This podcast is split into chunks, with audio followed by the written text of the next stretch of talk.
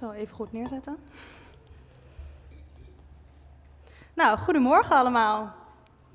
Nou, het is dus, uh, ik zag ook al op het uh, rooster op internet dat uh, mijn man Nathan erop stond.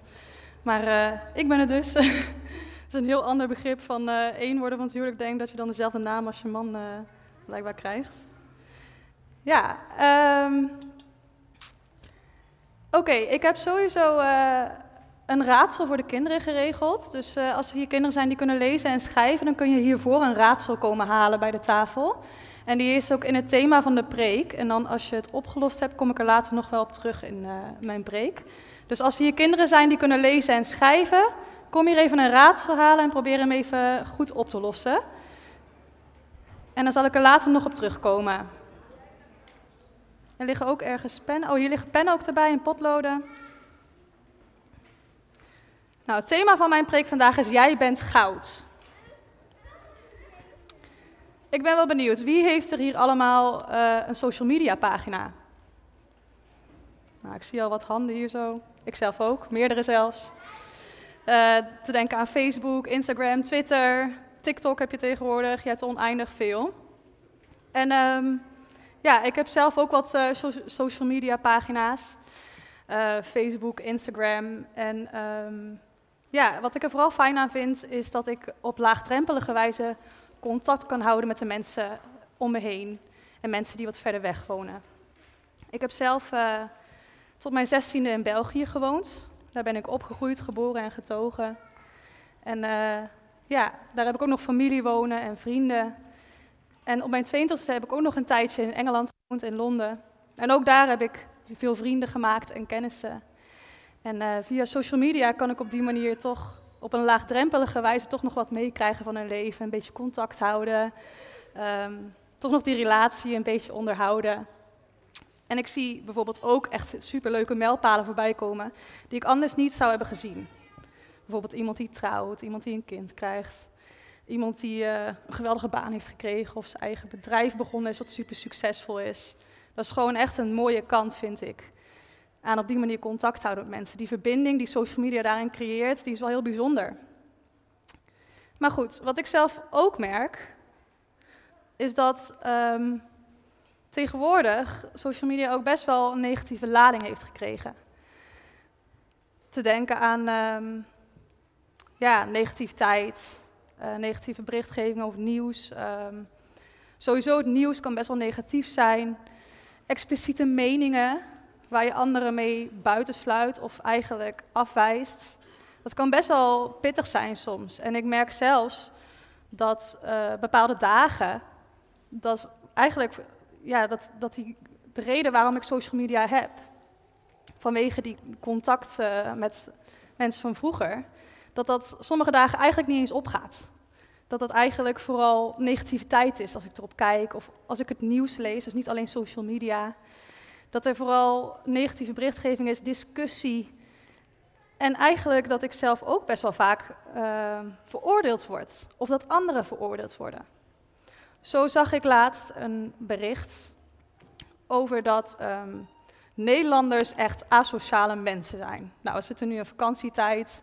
En uh, ja, we zijn gewoon iets minder goed in de rij vormen. Andere culturen die vinden dat echt heel erg. Nou, ieder zijn ding natuurlijk. Een ander bericht wat ik zag, is dat de moeders van nu, jonge moeders van nu, gewoon niet heel goed hun kinderen op kunnen voeden. En dat was in het nieuws. Dat ze zeiden, ja, die moeders van nu, die laten hun kinderen maar vrij en die doen helemaal niks om ze goed op te voeden.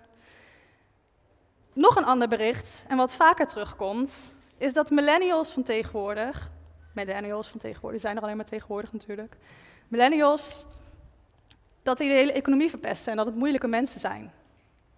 Nou, persoonlijk, ik behoor tot al deze drie groepen. Nederlanders, moeders van nu, millennials. Ik kan me daar dan wel persoonlijk door aangesproken voelen. Ik heb altijd geleerd dat, uh, dat ik alleen maar de mensen direct om mij heen, die van mij houden en die mij kennen, dat ik die inspraak moet geven op mijn leven. En dat zullen jullie denk ik zelf ook wel herkennen. Dat je dat als advies krijgt van je ouders of van de mensen om je heen. En dat is natuurlijk een hele wijze raad. En het is eentje die ik altijd probeer na te streven. Maar ik merk dat dat toch soms nog wel moeilijk is. Op een zwak moment, dan kan je soms ineens, als je dat ziet, dan kan je je toch aangesproken voelen. Of als het iets is waar je al onzeker over kan zijn, bijvoorbeeld je moederschap, of ehm, dat je bij een bepaalde generatie hoort. Je hebt misschien toevallig inderdaad net, je bent een millennial, je hebt misschien een burn-out gehad. Nou, dan ben je precies die doelgroep die ze bedoelen. En dan is dat al een gevoelig punt. En als dat dan ook nog aangesproken wordt, ondanks dat het iemand is die je helemaal niet kent, misschien is wel uh, iemand uh, op Facebook die, dat, die, dat, die iets negatiefs zegt, die niet eens een profielfoto heeft die echt is van Kermit de Kikker of zo. En uh, toch doet het je wat. Toch kan het je even pakken dan of zo. Nou, dat heb ik zelf ook.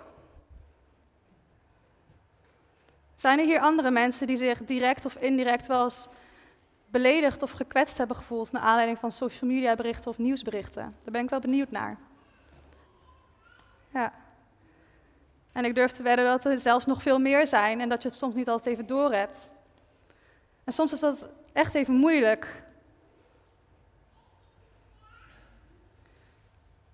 Wat ik merk is dat je dan, één, je gaat aan jezelf twijfelen, aan je eigen kunnen, aan je eigen bestaan, of wie je bent, of aan de, je gaat twijfelen aan de groep waarin je hoort. Zijn Nederlands nou eigenlijk wel zulke leuke mensen? Ik vind van wel hoor, trouwens. En uh, ja, zijn, zijn christenen nou eigenlijk nog wel leuke mensen? Want we zijn ook vaak genoeg echt negatief in het nieuws. Ondertussen ga je twijfelen aan jezelf. Je gaat ook twijfelen aan de ander. Hoe kan die zou zo negatief zijn? Hoe kan iemand nou zo bitter zijn? En je komt in een soort visuele cirkel terecht. Van je denkt zelf negatief over jezelf, maar ook over de ander. En het is moeilijk om daaruit te stappen soms. En ondertussen steekt de bitterheid van de ander de koppel bij jou op die manier. En je krijgt een soort domino-effect. Persoonlijk ben ik iemand die dan um, soms nog wel eens kan gaan mopperen tegen mijn man. Waar zit hij? Vindt hij heel leuk als ik dat doe. niet echt, dus uh, dat is niet de beste oplossing, mopperen tegen hem. Nou, en in heel veel gevallen maak ik ook wel de juiste keuze dat ik erover ga praten met God. God, wat moet ik hier nou mee? Um, ja, ik word veroordeeld deze mensen, of ik ervaar zelf veroordeling naar deze mensen, dat ik het niet goed vind wat zij doen, of omgedraaid, en het, het wakkert elkaar aan of zo. En ik merk iedere keer dat uh, God er op een andere manier naar kijkt dan ik. En dat is ook normaal, want God is God, weet je. God is, uh, die leert ons hoe, we het moeten doen. En God die zegt altijd weer, ik heb je lief. Ondanks alles, ik heb je lief. Door alles heen. En meestal word ik dan ook wel, um, wordt er ook wel een bepaalde tekst bij mij onder de aandacht gebracht. Ik moet dan heel vaak denken aan het scheppingsverhaal. Dan gaan we naar Genesis 1, vers 26 en 1 tot 31. God was de aarde aan het schapen en de schepping aan het maken. En we komen aan op de zesde dag.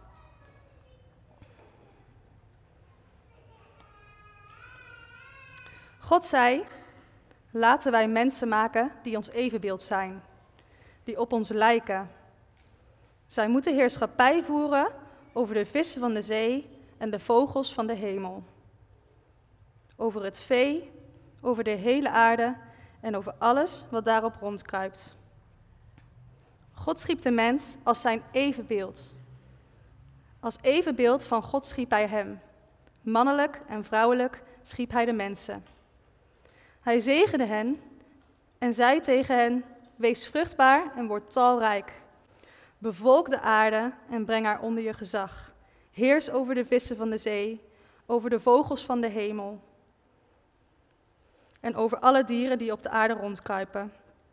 Ook zei God: Hierbij geef ik jullie alle zaaddragende planten en alle vruchtenbomen op de aarde. Dat zal jullie voedsel zijn. Aan de dieren die in het wild leven, aan de vogels van de hemel en aan de levende wezens die op de aarde rondkruipen, geef ik de groene planten tot voedsel. En zo gebeurde het. God keek naar alles wat hij had gemaakt en zag dat het zeer goed was. Het werd avond en het werd morgen, de zesde dag.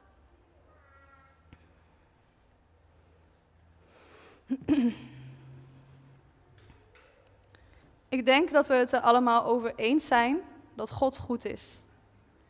Boven alles, God is goed.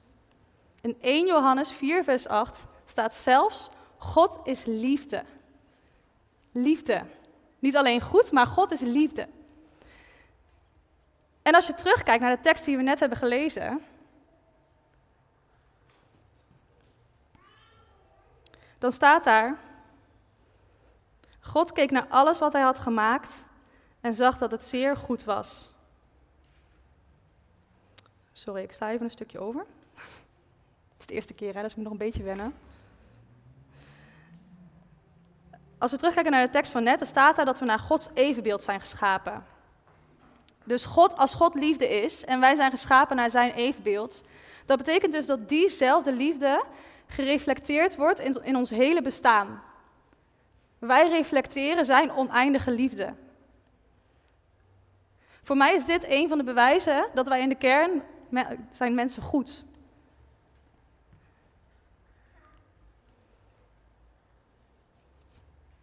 God heeft ons zelfs de hele aarde toevertrouwd.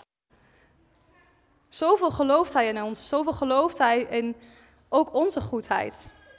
En zelfs toen we het helemaal verpest hadden en toen het één groot potje was, heeft Hij zijn eigen zoon gestuurd om het op te lossen voor ons. Zoveel genade en liefde is er in God en zoveel ziet Hij ook in ons, zoveel vindt Hij ons waard. En Hij stuurde zijn zoon en Hij heeft de dood overwonnen. Nou, ik, heb, ik ben zelf moeder van twee kinderen die hier net helemaal uh, extravert stonden te dansen. Helemaal vrij en blij. Dat is ook hoe het hoort, denk ik. Ik kan me niet voorstellen dat je je eigen kind zou opofferen. Ik kan me niet voorstellen hoe dat, hoe dat voelt, hoeveel pijn dat ook moet hebben gegeven. Als dat niet een bewijs is van die liefde, dan weet ik ook niet wat het nog meer zou kunnen bewijzen. En dan in Genesis 1 staat in vers 31, wat we net gelezen hebben. God keek naar alles wat hij had gemaakt en zag dat het zeer goed was. Het werd avond en het werd morgen. God zag dat het zeer goed was. Als je Genesis 1 een beetje kent, dan weet je dat bij de andere dingen die hij geschapen heeft, staat iedere keer dat hij zag dat het goed was. Dit is de enige keer dat God zegt dat het zeer goed was, toen hij de mensen geschapen had. En de levende wezens op aarde. En uh, uh, hij zegt niet perfect. Hij zegt niet goed, maar hij zegt zeer goed. Niet volmaakt. Want perfect, dat, is eigenlijk niet, dat zijn wij allemaal niet. Want God heeft ons, naast dat hij ons zeer goed geschapen heeft, wilde hij ons ook een eigen wil geven. En precies die eigen wil kan er soms ook voor zorgen dat we wel eens een verkeerde keuze maken.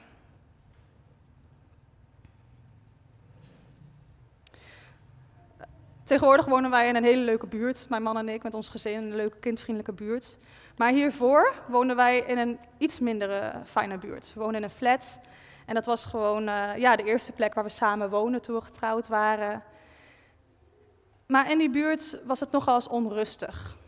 We hadden daar een groep jongeren die daar uh, nogal voor wat vandalisme zorgden. En die hingen naast onze flat altijd. Ik kon ze ook precies zien, zo vanaf onze flat. Dus ik kon ook echt in de gaten houden wat ze deden. Dat was niet zo handig eigenlijk. En ik, ik kon er echt enorm op mopperen. Iedere keer zat ik weer van, nou, waarom gaan ze nou iemands auto afbranden? Of waarom moeten ze dat nou doen? Waarom gaan ze nou iemand lastigvallen? Het was zelfs op een gegeven moment zo erg dat ik zelf ook persoonlijk bedreigd werd op een bepaald punt, samen met mijn dochter. En ik was zo boos en ik heb zelfs met de politie aan de telefoon gehangen. En het was, het was gewoon wel een heftige ervaring. En ik dacht, wat doen die gasten nou daar de hele tijd? Waarom gaan ze niks doen met hun leven? Weet je, waarom zitten ze hier nou de hele dag? Het waren gewoon tienerjongens. Niet eens heel oud. Ik denk dat ze hoogstens 14 waren. En uh, iedere keer kon ik er weer tegen mopperen, over mopperen tegen mijn man. Nou ja, dat is dan uh, niet heel handig eigenlijk. Ja, soms moet je wel je hart kwijt natuurlijk, vooral als je iets vervelends meemaakt. Maar het moet ergens stoppen. En uh, ik weet dat op een bepaald punt dat God mij op een gegeven moment liet zien van, maar Lindsay, waarom hangen die jongeren daar? Waarom hangen ze daar? Waarom zitten zij de hele dag daar zo op dat bruggetje? Waarom die tien jongens die midden in de groei zitten, waarom gaan ze niet rond het avondeten of rond de lunch naar huis om even wat te eten? Tien jongens die volop in de groei zitten, die eigenlijk genoeg voeding nodig hebben en verzorging, waarom gaan ze nooit naar huis? En toen dacht ik, ja, dat kan niet met een goede reden zijn. Dat kan niet een fijne thuissituatie geweest zijn. En ineens ging het op, ging het op een hele andere manier bekijken. En dat vandalisme werd ineens meer een roep om hulp dan uh, echt puur verveling, zoals ik het zag. Het is, het is hoe God naar mensen kijkt. God kijkt verder dan wat er hier en nu gebeurt. God ziet jouw hart en God ziet wat er speelt. En dat maakte God mij duidelijk op dat moment. Meestal zit er meer achter als iemand zich onaardig of ongepast uitlaat. En God kijkt verder. En God ziet altijd jouw volledige potentie. Door alles heen, door iedere worsteling, hij ziet jouw potentie. Maakt niet uit wat voor problemen je hebt. God ziet nog steeds wie jij bestemd bent om te zijn, door alles heen. Maakt niet uit hoe ver je weggedreven bent van je oorspronkelijke ik. God ziet wie jij bent. En dat betekent niet dat je niet goed genoeg bent, want dat ben je wel. Je bent goud waard. Want je bent geschapen naar Gods evenbeeld. Je reflecteert zijn liefde. Maar God ziet wel altijd dat we kunnen groeien. En dat we nog meer kunnen worden, nog meer kunnen groeien in zijn liefde en nog meer die kunnen reflecteren. Ieder mens kan zijn hele leven lang groeien, maar dat betekent uiteraard niet dat je niet goed genoeg bent. Door de jaren heen zijn er ook heel veel filosofen geweest, door alle eeuwen heen zelfs, die allerlei theorieën hadden over of de mens goed is of slecht in de kern. En meestal kwamen ze uit op slecht. Dat de mens eigenlijk slecht geboren is, of met een deel in zich wat slecht is, en dat ze door hun leven heen de keuze kunnen maken om goed te worden door bepaalde gebeurtenissen. Nu is er tegenwoordig een filosoof die een tegengeluid laat horen. Hij heet Rutger Bregman en hij heeft een boek geschreven, De meeste mensen deugen. Nu wil ik niet zeggen dat alles wat hij zegt correct is, maar dit ben ik met hem eens. Hij zegt, door middel van wetenschappelijke bewijzen en uh, onderzoekjes heeft hij aangetoond dat de mens in principe goed geboren wordt. En dat je door je leven heen verschillende keuzes krijgt en dan de keuze kunt maken um, om de goede weg of een slechte weg te kiezen. De kern daarin is, dat is eigenlijk hoe God het ook ziet. We zijn goed. Als wij naar zijn evenbeeld geschapen zijn, dan kunnen wij niet slecht zijn in de kern. En soms kan het wel eens dat er een soort een laag modder over die goedheid heen komt. En dan zie je alleen maar die modder. En dan denk je, ja, dat is de buitenkant, dat is gewoon een hoopje modder daar zo. Maar ondanks dat ziet God nog steeds, nee, wacht, wacht, wacht, daar zit een diamant onder, weet je, of daar zit een, stuk goud onder. Laten we dat gewoon even oppoetsen samen en even uitgaven. En dan heb je weer dat goud. Want dat zit er altijd. Dat zit in jou. En um, ik denk dat dat ook een heel mooi voorbeeld is van de doop. Van een heel symbolisch voorbeeld dat als het ware de modder weggewassen wordt door het water. Ik wijs hier naartoe voor mensen die het niet kennen, want hier is ons doopvond. Voor de duidelijkheid. Ik was niet gewoon uh, daarheen. De... de Bijbel is heel duidelijk. God is liefde en wij zijn geschapen naar zijn evenbeeld. Wij reflecteren zijn liefde. Nou, wat ik altijd uh, vasthoud zijn bepaalde pijlers in mijn leven om dat proberen voor ogen te houden. Die liefde van God in anderen, maar ook in mezelf. En hoe ik probeer altijd dat goud in anderen en mezelf naar boven te halen. En ik wil niet zeggen dat ik dat zelf perfect doe, want ik doe het ook echt wel eens heel fout. En, uh, maar ik probeer wel met bepaalde hulpmiddelen het voor mezelf makkelijker te maken. En ik heb drie specifieke pijlers. En de eerste is een goddelijk perspectief. In 1 Samuel 16 gaat Samuel op zoek naar de nieuwe koning voor Israël. En hij kijkt in eerste instantie eigenlijk een beetje naar het uiterlijk. Zo van, oh, die ziet er wel sterk uit. Nou, die zal vast wel een goede koning worden. Maar God zegt, nee, ik wil niet dat je naar het uiterlijk kijkt. Ik wil dat je naar het hart kijkt. Ik wil dat je naar het hart kijkt, want dat is degene die ik als koning bedoeld heb. En zo komt Samuel uiteindelijk bij David uit. Want David was niet groot en sterk, maar hij had wel het hart wat God voor ogen had als koning van Israël. En hoe ik dat persoonlijk probeer toe te passen, want we, we kunnen nog wel eens kijken naar wat we gewoon zien, hè? gewoon uh, die hoop modder. Die hoop modder die ligt daar gewoon, nou ik zie modder, weet je. Dat is gewoon hoe we mensen, als mensen zijn, we zijn wel beperkt in ons zicht. Alleen God kan ons meer laten zien. Dus wat ik wel als praktisch hulpmiddel doe, is mijn dag beginnen met, van, uh, ja, met een gebed. Dat ik uitspreek van, Vader God, kunt u mij helpen om vandaag door uw ogen heen naar de mensen om me heen te kijken, maar ook naar mezelf. En ik merk altijd voor mezelf dat dat een direct effect heeft op mijn levensbeschouwing, want gebed is heel sterk en het heeft echt meteen effect. En als je je ervoor openstelt, dan kan God die verandering op dat moment in jou teweeg brengen. Het tweede punt wat ik voor mezelf aanhoud is bescherm jezelf. Probeer zelf altijd bewuste keuzes te maken van bepaalde dingen. Zo, uh, ik gaf net het voorbeeld van social media. Nou, ik weet dat ik dat soms ook persoonlijk, dat ik me persoonlijk gekwetst kan voelen over dingen die daar staan. En dan weet ik, nu is het gewoon tijd dat ik dit eventjes tijdelijk verwijder. Even tijdelijk geen nieuws lezen. Eventjes mezelf afzonderen daarvan om mezelf te beschermen.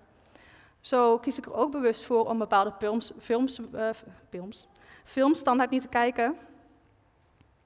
En op die manier hoop ik mezelf en mijn hart vooral te beschermen.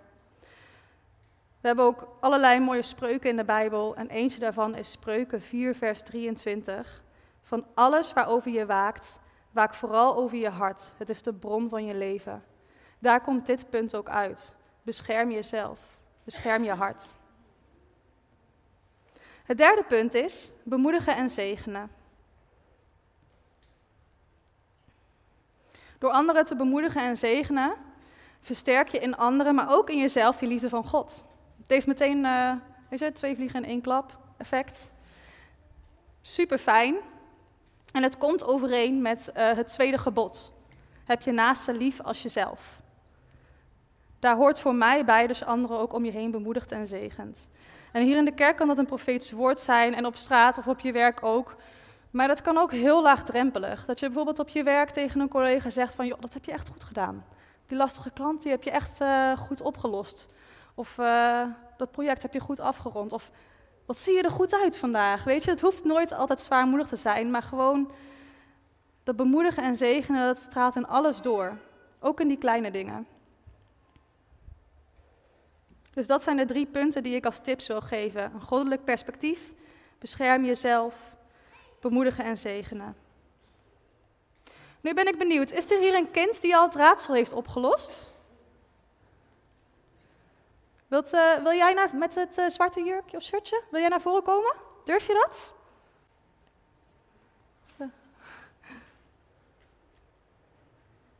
Hallo?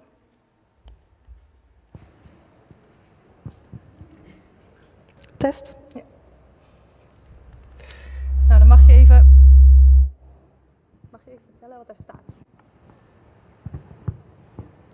Jij bent goud waard.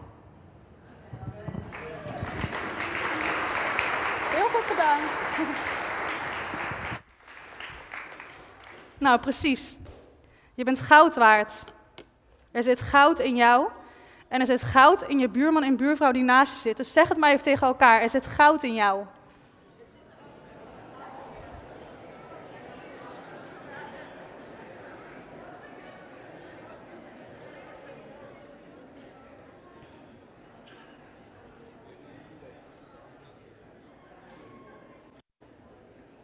Ja, super. Er zit goud in jou.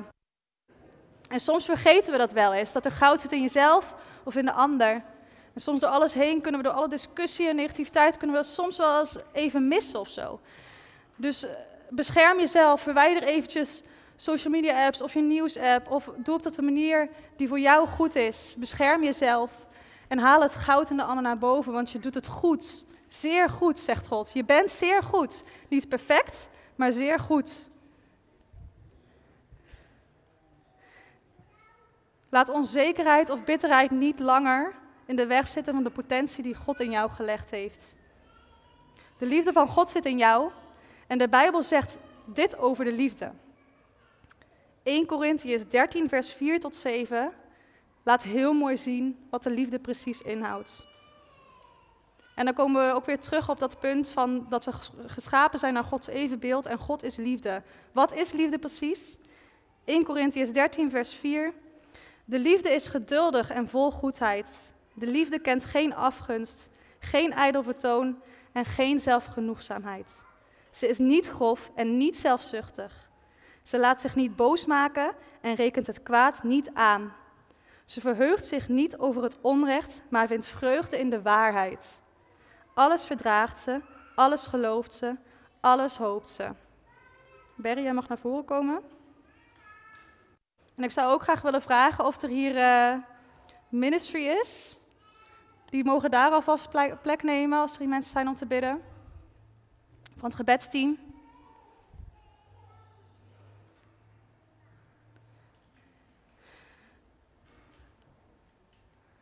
Zijn er mensen van het ministry team?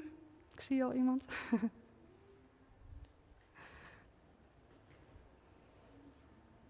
Merk jij aan jezelf dat, dat, je, dat je ergens die laag modder bij anderen alleen nog maar kan zien of bij jezelf? Of ben je het goud ergens uit het oog verloren? Dan wil ik je vragen om in ieder geval voor jezelf te laten bidden. Zoals ik al zei, gebed is superkrachtig en het kan je net die doorbraak geven die je nodig hebt. Kom gerust hier naartoe, die mensen staan uh, graag voor je klaar. En uh, laat gewoon voor je bidden dat je, die, dat je die goedheid weer leert te zien, die, dat goud in de ander en in jezelf. En dat je weer die liefde van God op alle manieren gaat reflecteren. Laat die modder even van je afwassen of van anderen. En vraag om een goddelijk perspectief.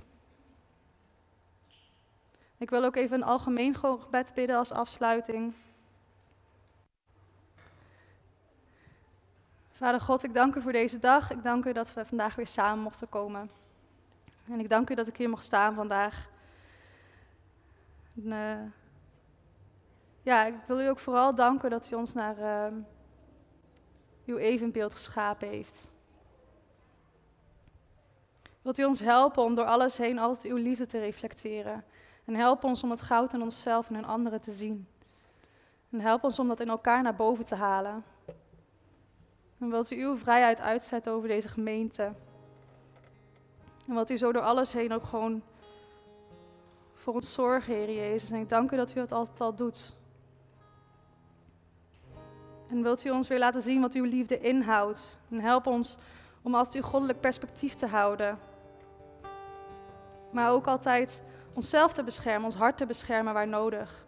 En help ons ook om de punten te herkennen waar we ons hart moeten beschermen. En waar we misschien soms even onszelf moeten afzonderen. En help ons ook om de anderen om ons heen te bemoedigen en zegenen door alles heen. Wat u zo uw zegen uitstort over deze kerk en de mensen die hier zijn. En Vader God, ik dank u voor alles wat u doet. En dank u voor wie u bent. Amen.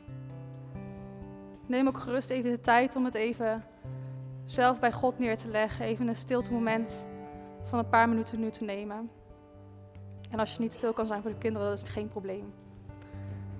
En, uh, ja, amen.